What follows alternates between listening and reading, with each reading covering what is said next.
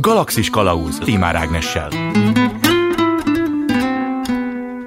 Kellemes délutánt kívánok, ez itt a Galaxis Kalauz 250. epizódja a mikrofonnál Timár Ágnes.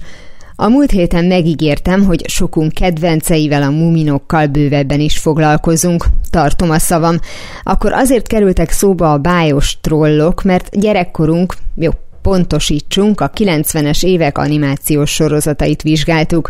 Beszéltünk a Nils Holgersson csodálatos utazása a vadludakkal és a 80 nap alatt a föld körül Willy Foggal című animékről, vagyis japán művészek kezemunkáiról.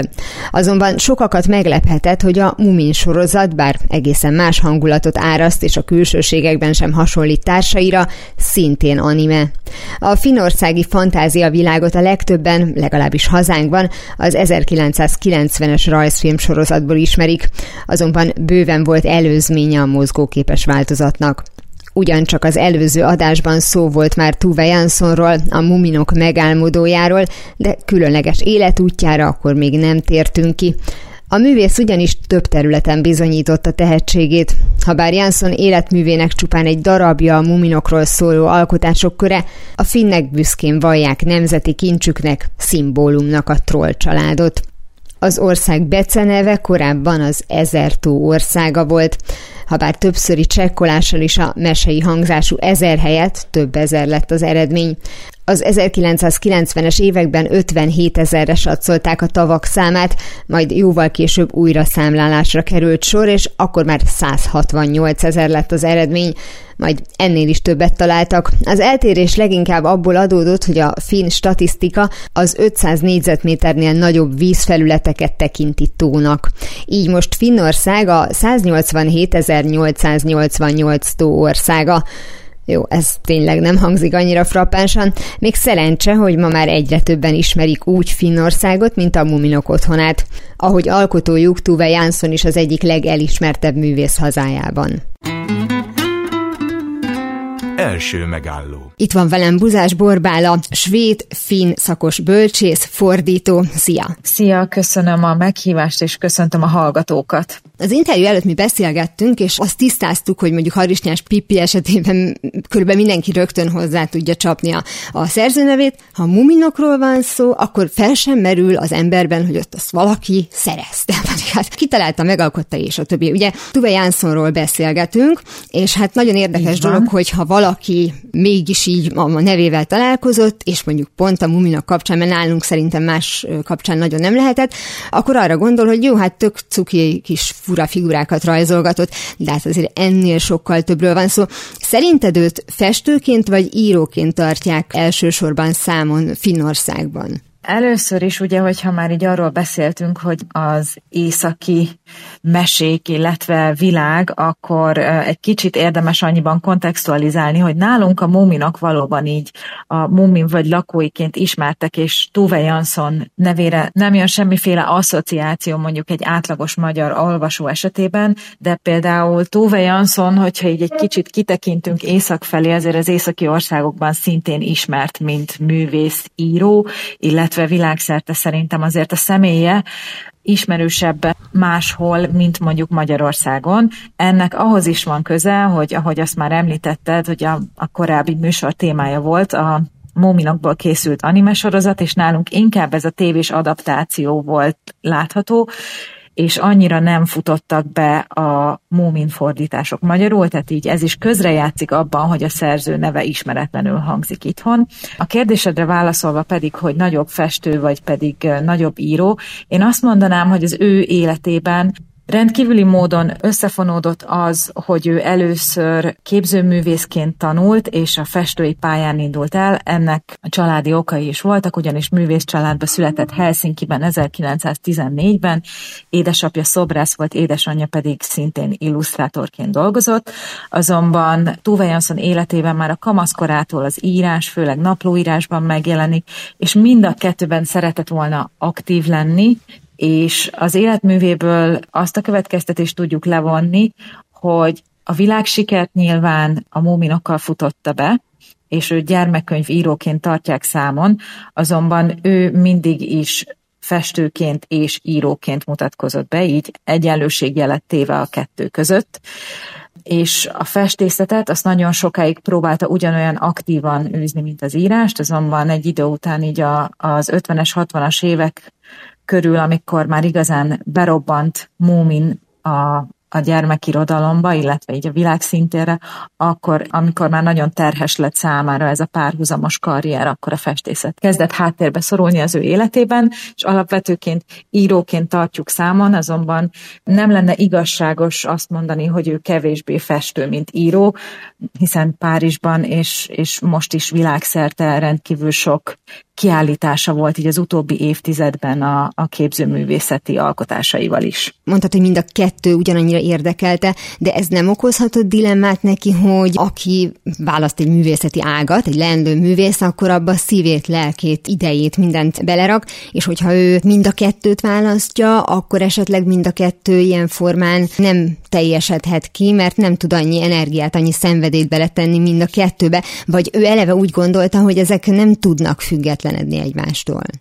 Szerintem, ha abból a perspektívából nézzük, hogy valaki egy kreatív alkotó ember, akkor nehéz bizonyára azt mondania, hogy az egyik dolgot félreteszi, hogy a másikban kiteljesedjen, tehát hogy benne ezek az alkotói motivációk abszolút megvoltak mindkét irányban, és inkább az volt, hogy az írás nem akarta hanyagolni. Ugye először kezdett el a festészet képzőművészet irányába menni, azonban úgy érezte, hogy az írás az, az mindenképpen ott lesz, és szeretne kezdeni valamit vele, illetve ezzel kapcsolatban nagyon arra koncentrálunk, hogy a, az alkotó személye hogyan befolyásolta a művet, holott szerintem egyébként érdemes lenne inkább a művek szempontjából nézni ezt. Tehát, hogy, hogy ez benne nem merült fel igazán, illetve ő több mint 80 évig élt, és 15 éves korától folyamatosan alkotott, tehát hogy egy életbe több karrier is belefér. Uh-huh. Úgyhogy én nem gondolnám, hogy így az utókor szemével az szerintem igazságtalan lenne, hogyha Tuve Janssonnak azt mondanánk, hogy, hogy festőként, vagy illusztrátorként, vagy pedig íróként nem volt teljes az életműve, hogy ennél többet is tehetett volna. Szerintem sokkal inkább azt kell értékelnünk, hogy ez a három óriási dolog, hogy megfért egy életműben kiállításai, mint mondtad, még most is vannak.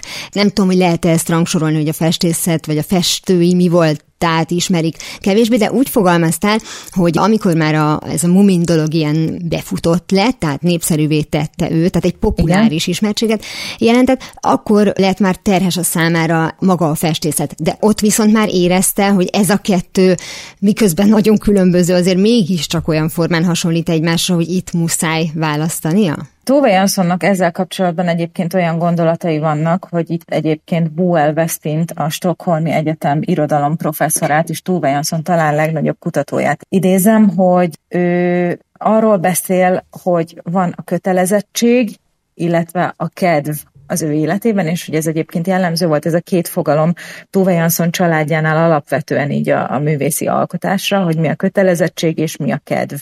És hogy a Mómin egy idő után számára inkább a kötelezettség kategóriába esett, míg a kedv kategória volt a festés, Azonban tisztában volt vele, hogy a kettő nem feltétlenül fenntartható egyszerre, különösen azt figyelembe véve, hogy milyen nagyjá kezdett nőni Múmin völgyvilága. Ezért volt inkább az, hogy így a, a festészetet egy bizonyos ideig kevésbé űzte ahhoz képest, hogy mennyit foglalkozott az írással. De ettől ő nem szerette kevésbé muminékat, nem? Mert ugye nagyon sokat lehet ilyenkor hallani, amikor egy művésznek van egy populáris oldala, és egy idő után elkezdi utálni azt, hogy mindenki azt tudja, miközben neki van egy akár mondjuk mélyebb, akár számára többet jelentő művészeti oldala is, és hogy mégsem az alapján ismerik. Én nem gondolnám, hogy ez benne feltétlenül ilyen identitáskrízist okozott volna, illetve ahogyan azt azt említettem, szerintem inkább a műveik felől kéne Tove Janszont megközelítenünk, és nem feltétlenül azt megpróbálni így a halála után lassan húsz évvel kitalálni, hogy ő mit érezhetett. Úgyhogy szerintem ez lenne inkább a megfelelő megközelítés ebből a szempontból, ugyanis Tove Jansson saját írói, alkotói identitása nem tükröződik úgy a munkáiban, illetve ez egy talán egy idejét múlt megközelítés, hogyha arra gondolunk, hogy Roland Barthes azt mondta, hogy a szerző halott, akkor érdemes ebből kiindulnunk. uh-huh. és, és őt tisztelve azt vizsgálni, hogy mit hagyott ránk. Ezt lehet, hogy irodalom órán is el kellene mondani, hogy a mit gondolhatott a költő kérdést, azt most már iktassunk.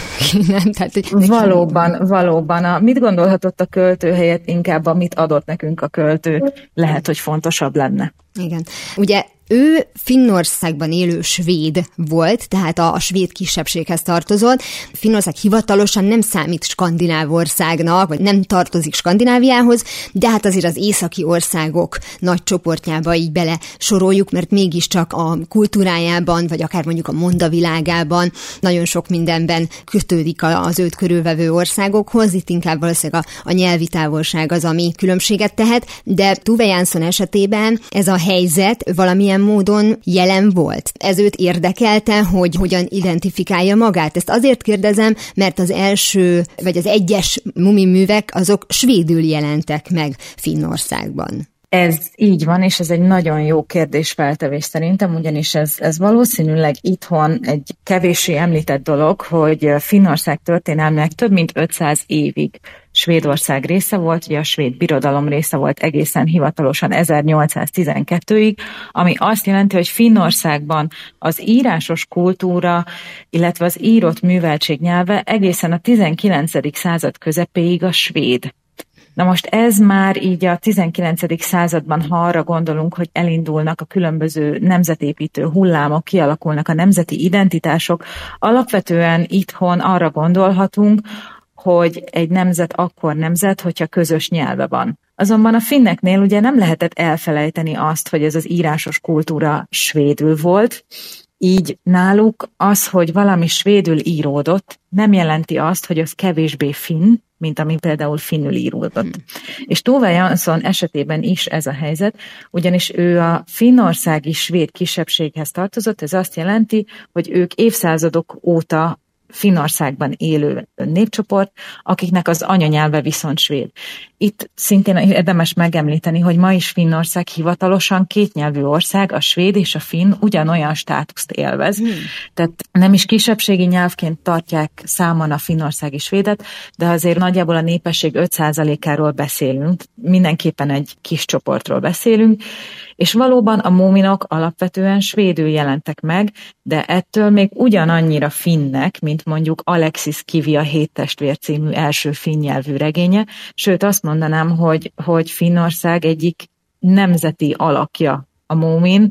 Elég, hogyha ezzel kapcsolatban csak azt említem, hogy idén száz éves a Finner légitársaság, és erre jubileumi grafikaként egy ölelkező Mómin pár tettek az egyik repülőgépükre, tehát hogy ennyire azonosulnak ezzel, vagy pedig, hogy annyira a finn néplélek része a Mómin, hogyha az ember bemegy egy konyhába egy rendes finn háztartásban, kinyitja azt a különleges mosogató szekrényt, ami csak a finneknél van, akkor minimum tíz darab Mómin bögre ott lesz.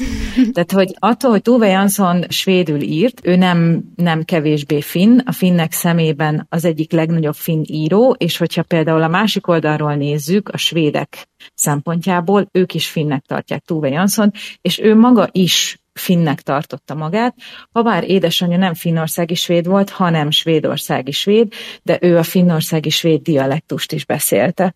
Úgyhogy ez első hallásra valóban okozhat egy ilyen identitás zavart, vagy az ember feltételezné, hogy ez valami kettősséget jelent, de erre nem kell gondolnunk, tehát a finnországi svédek finnek, akik svédül beszélnek, nem mhm. pedig uh, svéd identitású kiszakadt emberek Finnországban, és ezt egyébként talán a legjobban azt példázza, hogy ők a hoki meccseken szintén Finnországnak szurkolnak, soha nem Svédországnak. Jó, tehát akkor ebből az is következik, hogy nem volt összeveszés muminékon a finnek és a svédek között. Nem, nem, nem, én ezt nem mondanám, teljesen a, a mumin teljesen a, a finneké, viszont az, hogy svédül íródott, az azért utat nyitott arra, hogy könnyebben eljutott például Svédországba, meg más skandináv országokba. Itt érdemes ugye megemlíteni, hogy a norvégok, dánok, svédek között van egy ilyen nyelvészeti fogalom, hogy interskandináv kommunikáció, tehát mm. ők valamennyire megértik egymást, és az, hogy svédül íródott Múmin, az így megkönnyítette az útját a világ felé, ugyanis nyelvileg a finn, ahogy mondtad, nagyon különböző a skandináv nyelvekhez képest, viszont kulturálisan egy egységbe sorolhatjuk a finneket a skandinávokkal. Na de ezen mondjuk Finnország nem rágott be, már bocsánat a rossz szóért, mert hogy ugye, amíg én nem tudtam, hogy itt most kisebbség szinten, vagy nem kisebbség, ahogy te mondtad, nem kisebbség szinten kell kezelni a finnországi svédeket, hogy volt-e valami üzenete annak, hogy ő svédül jelentette meg, miközben ugye a finnországi, tehát a finnek feltehetően finn nyelven szerették volna olvasni Mumin történetét. Na most én nem gondolnám, hogy ebből, ettől a, a finnek megsértődtek volna, és azért Tuve Janszontól sem vehettük el azt a jogát, hogy az anyanyelvén írjon. Uh-huh. Ugye ez, ez azért egy nagyon fontos jog, amiért a világ rengeteg országban, gában kisebbségek ma is harcolnak, azonban ahogy említettem azt, hogy Finnországban a svéd hivatalos nyelv erre például abszolút lehetőséget nyitott, sőt, a svéd nyelvű irodalom az ma is Finnországban egyébként egy különösen támogatott terület, hogy fenntartsák ezt, hogy egy kisebbség annyira élő, amennyire írott kultúrája van. Lényegében nézhetjük ezt ebből a szempontból is. Másrészt, mivel évszázados hagyománya van a svéd nyelvnek Finnország, Magyarországban, ezért svédről finnre fordítókat mindig lehet találni, úgyhogy nagyon jó fordításban elég hamar megjelentek a Mómin könyvek finnül is. A kép meg ugye ezer szó, de az illusztrációra kicsit később. Tudom, hogy nem erről beszélgetünk, de egyszerűen muszáj rákérdeznem, hogy mi az a jellegzetes finn mosogatószekrény? Igen, a finn mosogatószekrény az hát egy mindenképpen egy egyedi dolog, az az, hogy a, a mosogató fölött van egy edénytároló szekrény, aminek az alján egy rács van, és ebbe a szekrénybe be lehet állítani a, a tányérokat, poharakat, bögréket, stb., és ez lecsöpög magába a mosogatóba, tehát nem fog az edényszárító elfoglalni egy fél konyhapultot. Zseni. És ezt egyébként és ez egyébként a külföldieknek nagyon meglepő szokott lenni, és a finnek nagyon büszkék rá, tehát hogy ez egy ilyen nemzeti különlegességként van számon tartva, és hogyha az ember bármi olyan videóval találkozik, hogy ilyet csak Finnországban, akkor ez a mosogatószekrény ez benne szokott lenni. De egyébként ez szerintem jó példa arra, amit még a legelején mondtál, hogy van ez a bizonyos mentalitása a finneknek, hogy van, amit kedvből csinálok, és van, amit kötelességből, és az utóbbi talán elsőbséget élvez, és bár ugye korábban a japán kultúráról volt szó, amire azt mondanánk, hogy ennél két különböző világot el sem tudunk képzelni, itt most az egyetlen kapocs, hogy például mondjuk a muminokból is készült anime, meg manga is, de minthogyha ott is ez lenne. Tehát, hogy van egy ilyen, és javíts ki, hogyha Finnországot most rosszul képzelem így el, vagy a finn embereket, hogy ez a kötelességtudat, ez vezetett oda, hogy ez egy mostani, nagyon modern északi ország tudott lenni, tehát amiben a, a tolerancia az már nem kötelesség, tehát már alapvetés, és ez az, ami tulajdonképpen a jövőbe mutató utat ki kövezi, mm. ahogy a körülötte lévő skandináv országok is, de lehet, hogy én most csak idealizáltam. Én azt gondolom, hogy innen Magyarországról, vagy kívülről nézve nagyon könnyű ezt látni, kötelességtudatként értelmezni azt a fajta sikert, amit a finnek, illetve a skandinávok elértek gazdaságilag, társadalmilag, illetve azt a fajta munkamorált, ami náluk van, de szerintem itt azt is figyelembe kell vennünk, hogy a kötelességtudat mellett én talán inkább azt emelném ki, vagy a kötelességtudat helyett, mivel ez egy elég általános megfogalmazás, hogy a, a finneknél az alapvető szemlélet az nagyon törvénytisztelő. Tehát a finnek a svéd birodalmon belül a több mint 500 év alatt egyszer nem lázadtak föl, a királynak mindig nagyon jó alatvalói voltak, és ez megmutatkozik ma is abban, hogy nagyon törvénytisztelőek, és követik a szabályokat, néha már-már azt mondhatjuk, hogy orvézésig addig, amíg problémát is okoz ez a szabálykövetés, de ezt mondjuk mondhatjuk, hogy jellemző a finnekre, illetve én talán a kötelességtudat mellett azt emelném ki, hogy a szolidaritás az elég fontos. Finnország nagyon sokáig nagyon szegény ország volt, így az 1950-es évekig.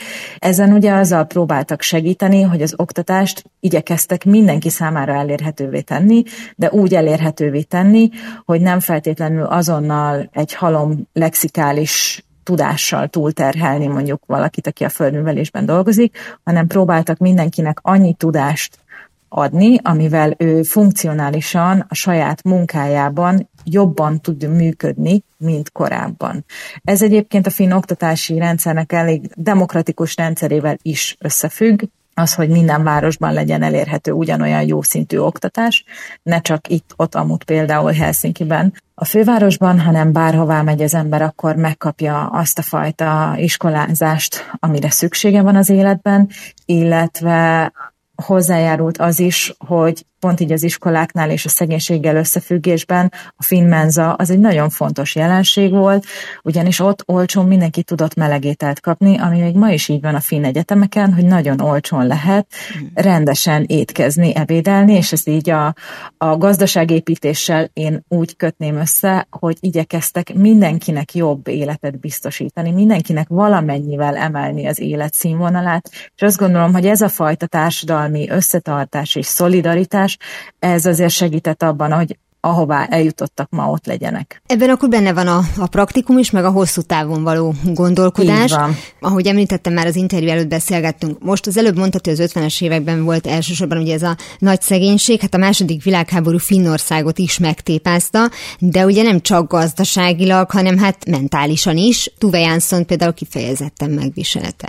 Így van. A finneknél ugye a 20. század első felében a háborúknak határozottan identitás, illetve népformáló hatásuk volt. Az első háború egyébként, ami kitört, az 1917-18 között volt egy hát finn függetlenségi háború, vagy polgárháború, egy különböző megközelítések, különböző megnevezéseket alkalmaznak, illetve Finnország a második világháborúba úgy keveredett bele, hogy a Szovjetunió 1939-ben megtámadta, ez volt a téli háború, ami után volt egy békekötés, azonban még így 40 2-től 43-ig lett egy folytatólagos háború is, úgyhogy igazából három nagyon komoly háborún ment keresztül Finnország az 1950-es évekig, ami valóban Tuve Jansson személyesen is érintette, tehát a közeli baráti körökben voltak olyan ismerősei nyilván, akik ebben részt vettek, és neki így saját elmondása alapján, illetve a saját levelezéseiből például az is kiderül, hogy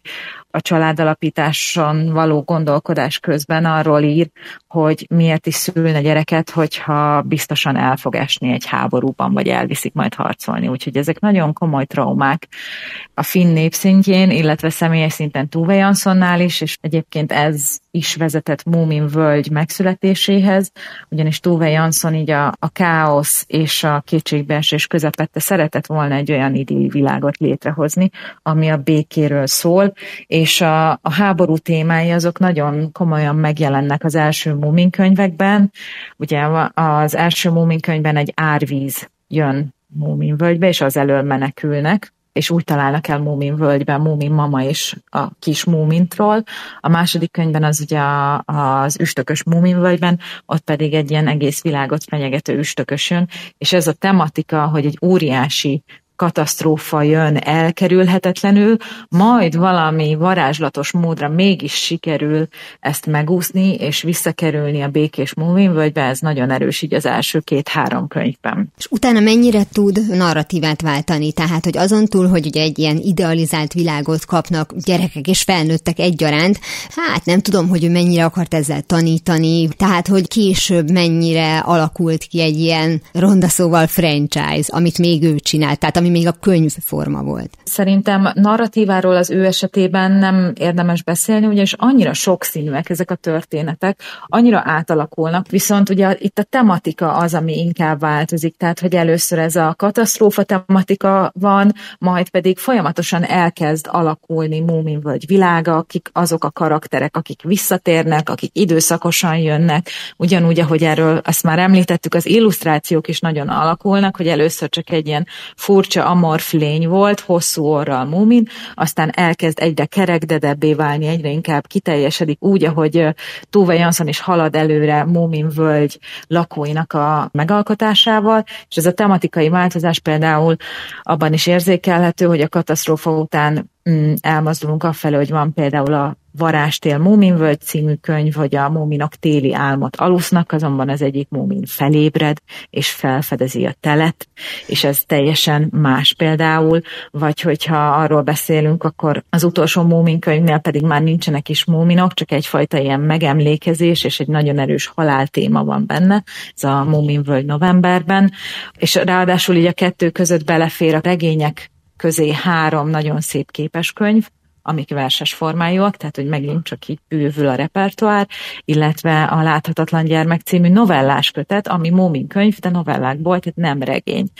Egyébként én azt emelném még ki, hogy amit mondasz, hogy mennyire próbál tanítani, szerintem ez az, amire így Tove Jansson szelleme talán összeráncolná a szemöldökét, hogyha itt arról beszéltünk az elején, hogy a festészet és az irodalom hogy férhetett meg az életében, és ő mit gondolt erről. Ugyanis ő sosem tartotta magát gyermek irodalmi szerzőként nyilván, hanem íróként. És a Múminok amúgy is egy nehezen besorolható könyvsorozat, de ugyanakkor itt meg kell említenünk, hogy a gyermekirodalom is egy elég nehezen elkülöníthető, definiálható műfaj az irodalmon belül, tehát nem feltétlenül kell erőltetni azt, hogy megpróbáljuk címkézni Tove Jansson könyveit. Valóban a gyerekek nagyon élvezik, azonban ő azon kevés szerzőknek az egyike, aki képes egyszerre megszólítani a gyerekeket és a felnőtteket, és a vége felé pedig már ugye ez az előbb említett Mumin vagy Novemberben című kötet már határozottan olyan témákkal foglalkozik, amik inkább a felnőtt olvasóknak valók, mint a gyerekeknek.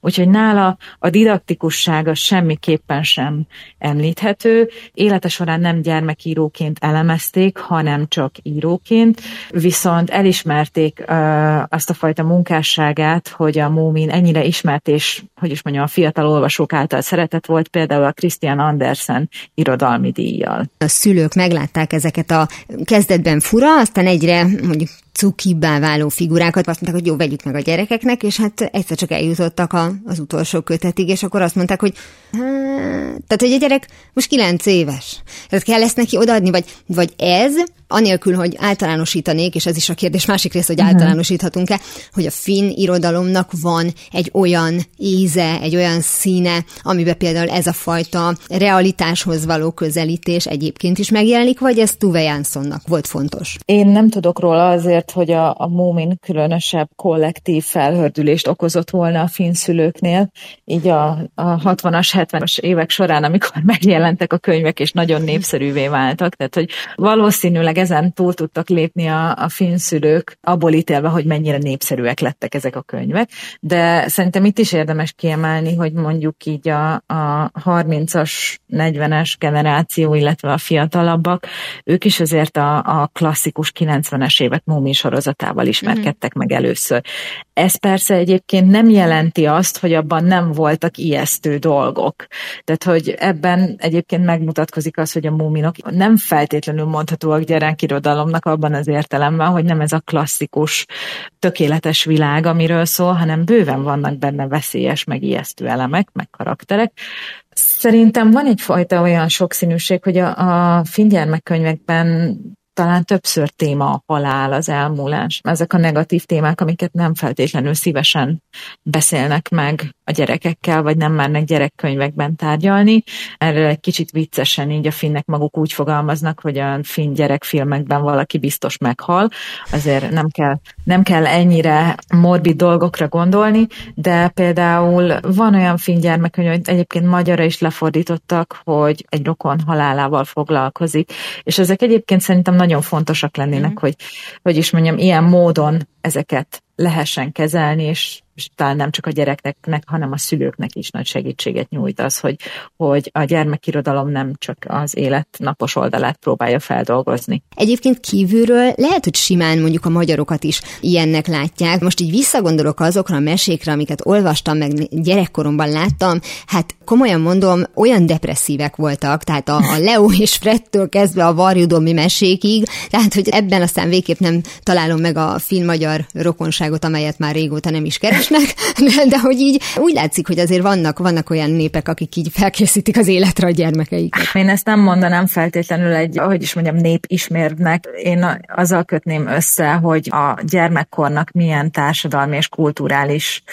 értelmezése van. Ugye ma szeretnénk mindentől óvni a gyermekeket, és lehetőleg ne tudjanak a negatív dolgokról, amiben nyilván azt tükröződik, hogy a felnőttek milyen életet szeretnének élni, de ugyanakkor, ha meg visszatekintünk a múltba, de elég csak egy 150-200 évvel ezelőttre visszatekinteni, amikor így a mai modern gyermekirodalomnak elkezdenek a csírái kibontakozni, akkor azok a történetek, amiket a 19. században meséltek a gyerekeknek, kifejezetten horrorisztikus horrorisztikusak voltak, és egyfajta ilyen elrettentő funkcióval szolgáltak, hogy mit ne csináljanak, ezeknek egy a részleteiben nem is érdemes belemenni, de talán az is elég, hogyha Hans Christian Andersen nevét emlegetem, uh-huh. így a horrorisztikus történetekkel kapcsolatban, ugyanis talán ő a, a világon az egyik legismertebb, legfontosabb alakja a modern gyermekirodalomnak, és, és, és mégis milyenek a történetei. Tehát, hogy a sötét dolgoknak nyilván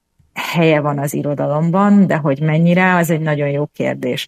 Szerintem Tove Janssonnál és a Muminoknál arra érdemes koncentrálnunk, vagy leginkább azt emelném ki, hogy igen, a háborús trauma megjelenik a könyveiben, apokaliptikus témák vannak.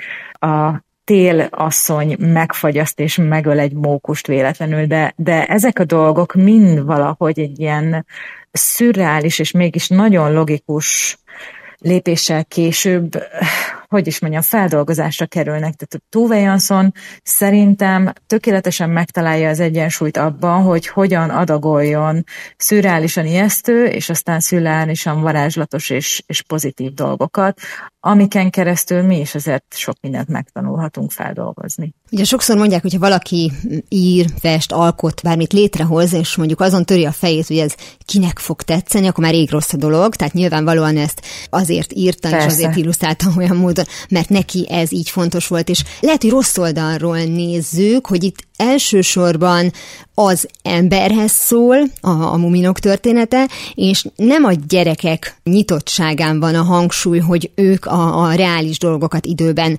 hajlandóak és hajlamosak megtanulni, hanem közben a felnőttek nyitottságán, vagy azon is, hogy ők nem fogják attól infantilisnek tartani az adott történetet, csak mert egyébként illusztráció szerepel benne. Igen, ugye ez egy nagyon jó kérdés. Most akkor ez alapján végül is azt mondhatnánk, hogy amiben képek vannak, azok gyerekeknek készültek. Ez talán nincsen így, illetve szerintem ezzel viszont, ha ezt mondjuk, hogy a felnőttek pedig talán nem tartják infantilisnak, akkor alapvetően abból indulunk ki, hogy a Moomin könyvek gyermekkönyvek. Én személy szerint az irodalmi szemüveget feltéve azt mondanám, hogy gyermekkönyvként lettek híresek, de az olvasó maga eldöntheti nyugodtan, hogy ő gyermekkönyvnek tartja őket, vagy felnőtt olvasóknak szánt műveknek, vagy pedig egyszerűen csak nagyon jó történeteknek. Ha pedig igazán szakmai irodalmi szemüveggel nézzük Tuve Jansson szövegeit, akkor nála az a narratíva érvényesül, hogy egyszerre szólítja meg nyelvileg a felnőtteket, és a gyerekeket. Nagyon sok áthallás van a szövegeiben, amit leginkább szerintem egyébként a felnőtt olvasó tud beazonosítani, nem is feltétlenül a gyerekek, és ez egyébként az igazán nagy szerzőkre jellemző, hogy nyelvileg különböző szinteken egyszerre működnek a szövegei. Úgyhogy nehéz lenne szerintem infantilisnek tartani talán, viszont hogyha így Finország kontextusában nézzük, akkor azért néha már-már Tove Jansson vagy a Múminak kicsi elcsépeltnek és hatnak, uh-huh. annyira rész része így az általános műveltségnek, de éppen ezért szerintem felnőttként érdemes elolvasni, mert az, ami mondjuk elsőre egy gyerektörténetnek, vagy egy elcsépelt mesének tűnik, az aztán később, hogy is mondjam, egy érettebb olvasónál sokkal több, sokkal mélyebb jelentések jönnek ki a szövegből. És ehhez szerinted mennyire kell ismerni Finnországot és egyáltalán a környékét? Szerintem egyáltalán nem kell Finnországot ismerni, ugyanis Múminvölgy, Múminvölgy egy másik hely, egy olyan fiktív hely, ami mindenkit mindig örömmel fogad, és bármelyik olvasó betérhet Múmin völgybe, és nincs ahhoz szükséges külön előismeretre, hogy, hogy ezt tudja. Talán egy kicsit meglepő lehet, hogy Múmin mama sót tesz a kávéba, meg egy-két ilyen dolog van, ami, ami így Finország kontextusában talán könnyebben értelmezhető, de, de szerencsére egyáltalán nem kell ehhez semmilyen előismeret, hogyha um, például ha mellé tesszük párhuzamosan egy nagyon híres skandináv író Karl Uwe harcom sorozatát, ott szerintem például fontosabb, hogy az embernek legyen valami ismerete a skandináv kultúráról, hogy megértse a könyveket. Vissza szeretnék menni egy picit az eredetéhez, mert hát azért már többször mondtad, hogy trollok, ezek a bizonyos muminok.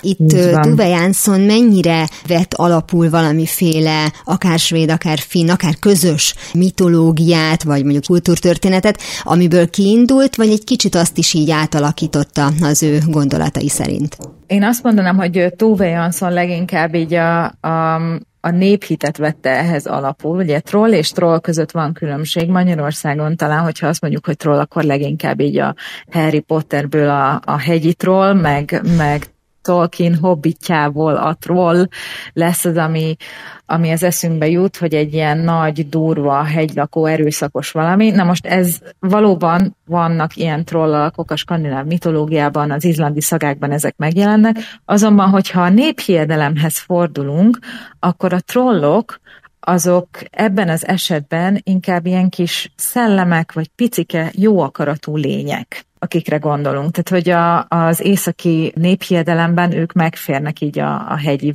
trollok mellett, és erre például nagyon jó példa, amit itt a Tove Jansson és a trollok kapcsán a kollégáim éppen ma emlegettek, hogy Finnországban van ilyen, hogy sauna troll, ami egy ilyen pici elképzelt kis lény, és így a, a sauna jó akarója, meg szerencsehozója, meg ilyen kis figurát is lehet egyébként kapni, de szintén jó példa arra, hogy így a, a jó szándékú trollokban hisznek, hogy Izlandon, a házakon, a rendes ajtó mellett van egy picike ajtó, hogy a troll is be tudjon menni.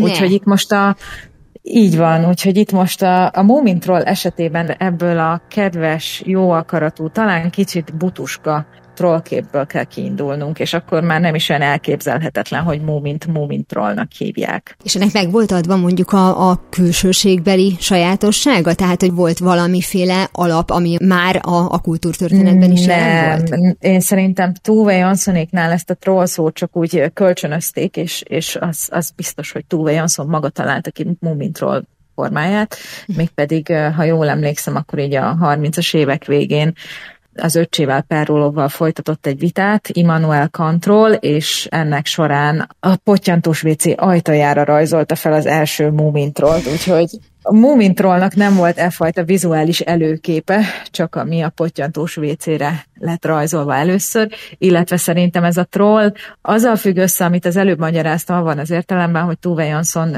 kamaszként Stockholmban tanult, és a, az anyai nagybátyjánál lakott, és hát szokás szokása volt kimenni éjszakánként a spájzba, kicsit elcsenni valamit. És ezt Einar a nagybátyja észrevette, és megfenyegette a kamasztóvét, hogy majd jön a mómintról, és ott megérzed a lábadnál, meg beleharap a bokádba. És ez a családi, viccesen kitalált kis fenyegetés a mómintról ebből lett később egy ilyen világ, világjelenség és irodalmi siker. Tehát a népi hiedelem össze lett keverve a családi legendáriummal, és abból, abból jött az... Így van, és ebből jött a Mómintról a végén. Kihez lehetne hasonlítani Tuve Janssonnak az ismertségét és elismertségét a saját hazájában, hogyha magyar példát akarunk venni? Abban az értelemben tényleg nehéz párhuzamot húzni, hogy Tuve Jansson azért elismert komoly festő is volt, illusztrált is, verseket, novellákat és regényeket írt, egyszerre felnőtt és gyermekirodalmi szerző, tehát hogy ez nagyon szertágazó életműről beszélünk. De én azt gondolom, hogy ha a muminok szempontjából vizsgáljuk, és így az elismertségét nézzük, akkor a magyar irodalmi kánonban én leginkább Csukás Istvánt tudnám említeni vele kapcsolatban de az, ahogy nálunk mondjuk Csukás Istvánnak a különböző irodalmi alműfajokhoz való kötődése nem annyira ismert, én legalábbis folyton ezzel találkozom, ez nem mondható Tuve Janssonra Finnországban gondolom, hanem ott ő ugyanolyan jelenség, mint amilyen jelenségnek mi a muminokat látjuk, mert csak ennyit látunk belőle. Mindenképpen elsődlegesen a gyermekirodalmi polcon találjuk meg az ő műveit. Uh-huh. De, de azért nyilván a későbbi életművének a részei azok a, a felnőtteknek írt novellák, regények, önéletrajzi ihletésű alkotások. Természetesen ott vannak az irodalmi kánonban, de hogyha ha egy olyan szerzőt keresünk, aki mondjuk nem csak az, hogy, hogy irodalmilag, hanem társadalmilag, kulturálisan az, hogy mennyire ismert így a fiatal olvasók számára is, akkor én ebből a szempontból mondanám Csukás Pista bácsit. Egyébként neki, nem hogy Tuva Janssonnak, mennyire volt könnyű vagy nehéz dolga ezen a két területen is akár, mert egyrészt abból a szempontból, hogy családilag szinte meg volt határozva az útja, hogy ha nem is a konkrét művészetiák, de legalábbis, hogy sejthetően művészettel fog foglalkozni, illetve a másik része, hogy mondjuk az 50-es évek Finnországa mennyire volt elfogadó például nőkkel szemben, vagy ott is az volt tapasztalható még abban az időben, mint jellemzően, hogy hát majd sorszámot húzunk, aztán, hogyha minden férfi elfogyott, aki ki akarta adni a könyvét, akkor lehet, hogy a nők is sorra kerülnek. Igen, ezek szintén nagyon jó kérdések. Talán, hogyha azzal kezdenénk, hogy Tuve Jansson esetében nem kell azt gondolnunk, hogy attól, hogy művész családba született, kikövezett volt a pályája, ugyanis nagyon, nagyon keményen dolgozott azért, hogy aztán bekerüljön, tehát hogy ebbe a művészeti világba, tehát ez nem volt magától értetődő, hogy ő sikeres lesz csak azért, mert művész családba született, illetve ha belegondolunk, ő különböző képzőművészeti iskolákba járt, Finországban az Ateneum, a Szépművészeti Múzeumnak az akadémiájára járt festeni, és egészen sokáig úgy volt, hogy ő a festői pályán fog majd bizonyítani, és az, hogy abból ő befusson íróként, szerintem elég nagy nehézség volt a számára. Nem kevésbé azért, mert az első Mumin könyv 1945-ben jelent meg, pontosan egy időben az első Harisnyás Pippi könyvvel. Tehát neki eléggé rögös út volt az, amit befutott, a világismertségig így a múminokkal, ugyanis az első két múmin könyv az egészen elsikkadt otthon, többek között emiatt, hogy így a 40-es évek közepén volt egy ilyen skandináv gyermekirodalmi boom, amiben nem tudott ő azonnal becsatlakozni, és csak így a harmadik Múmin könyv körül jött el az igazi siker.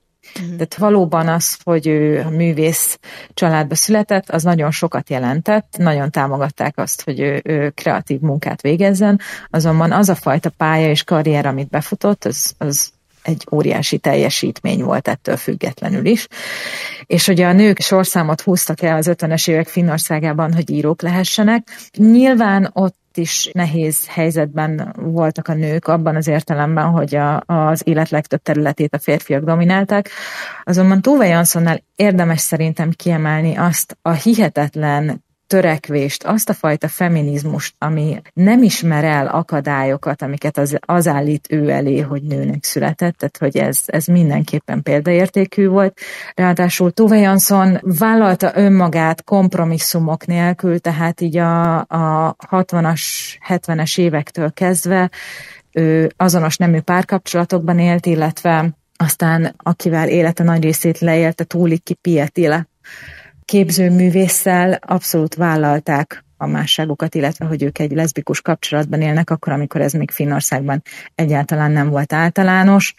Sőt, a 70-es években együtt voltak jelen a Finn köztársasági elnök függetlenségnapi bálján, ami azért akkor egy óriási dolognak számított, hogy egy azonos nemű pár együtt jelent meg ott, egy ilyen hivatalos közegben. De botrány nem lett belőle, tehát nem vették meg azért kevésbé a könyveit, nem nézték meg kevésbé a kiállításait, mert megtudták róla, hogy ő egy nővel él együtt. Nem, nem gondolom meg ez, hogy is mondjam, ebből ő, ő azért nem úgy élte az életét, hogy ez botrányra okot adjon, illetve a szexualitásának a múminokhoz, a könyveihez és általában a festményeihez semmi köze nem volt. Tove Jansson, mint magánember, és Tove Jansson, mint művész, talán nem összekeverendő. És mindenki eldönti egyébként, hogy ebből a rengeteg műfajból, illetve művészeti ágból, amit képviselt, mi az, amit mondjuk választ magának, ha választani akar, vagy pedig Így mondjuk egy, egy komplexitásként fogja kezelni az egészet, hogy ő élete végéig nagyon sokáig aktív volt, ezt én jól gondolom, mert ha jól tudom, akkor vidékre költöztek, tehát hogy azért volt valamiféle visszavonulás, illetve az úgynevezett felnőtt irodalomban való megjelenítés megjelenése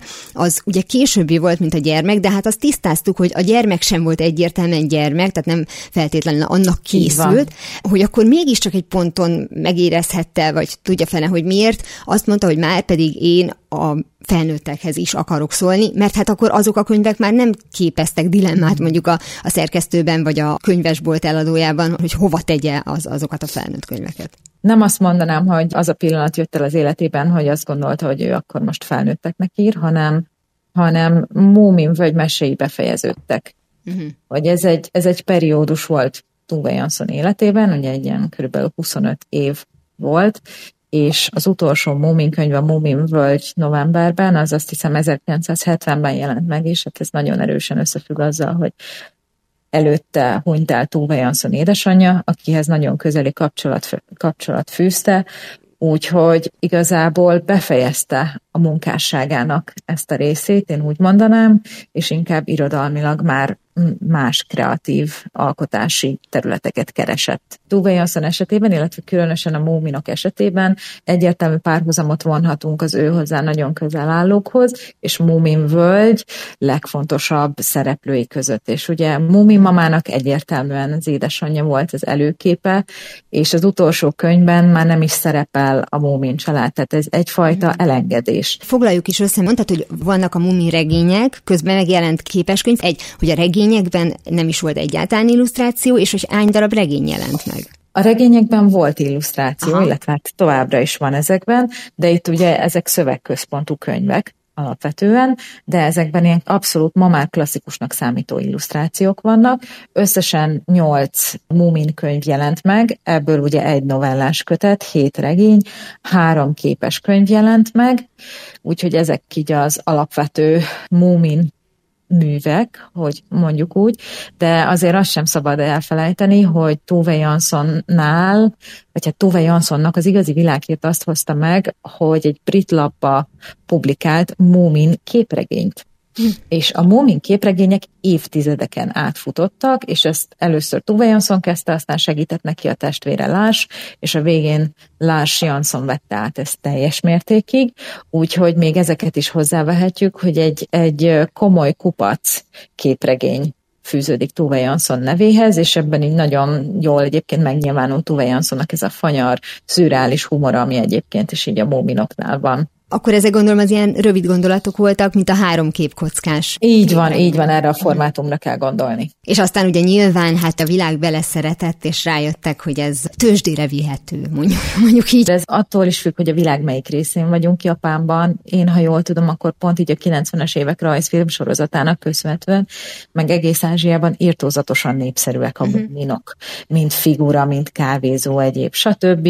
Illetve Tuve Jansson unokahuga Sofia Jansson Johnson, aki most az egész Moomin üzletet irányítja, nagyon tehetséges és nagyon igyekszik ezt kihasználni, úgyhogy ez egy nagyon aktív üzletága, Moominokkal díszített minden, és például így, a, ahogy már korábban említettem, a mosogatószekrény kapcsán például vannak a Moomin bögrék, amik szintén egy írtó nagyon fin dolognak számítanak, és minden karakternek van külön bögréje, illetve télen és nyáron szezonális bögre jön ki, úgyhogy ez egy ilyen, hogy is mondjam, egy nagyon élő üzletág, úgyhogy talán ebből a szempontból nem teljesen meglepő, hogy így máshová is, más boltokba is beférkőznek a móminok. Még ha tudják is, hogy ezzel a külföldi érdeklődőket nagyon el lehet csípni, hogy ők is nagyon szívesen az életük részévé teszik, tehát ahogy mondjuk a cseheknél a kisvakond is olyan, hogy a, a csehek is szerintem szívesen isznak kisvakondos bögréből. Így van, de a finneknél tényleg, tehát hogy a, a móminok, hogy is mondjam, így minden, a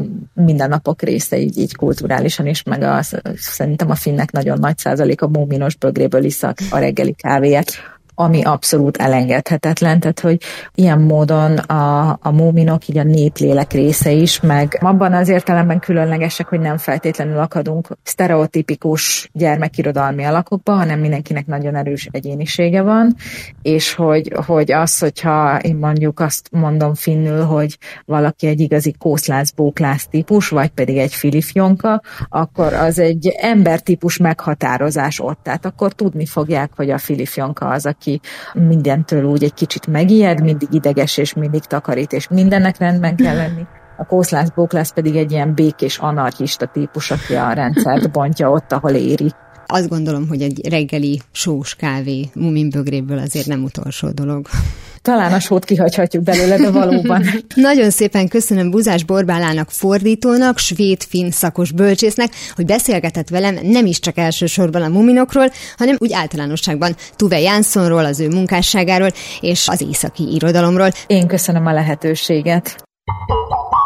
Ha a számításaim helytállóak, amikor eléri a 88 mérföldes sebességet, csodát fogsz látni, fiú!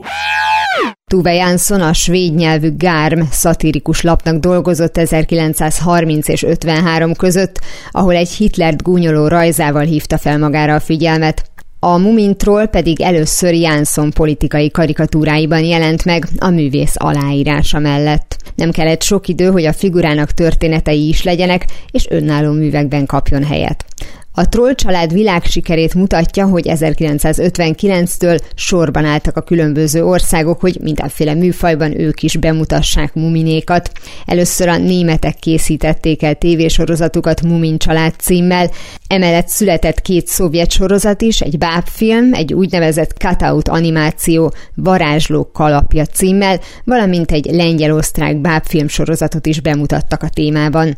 A japán anime készítők is hamar felfigyeltek erre a különleges világra, amelyet Jansson megalkotott, és már 1969-ben készítettek rajzfilm sorozatot a trollokról.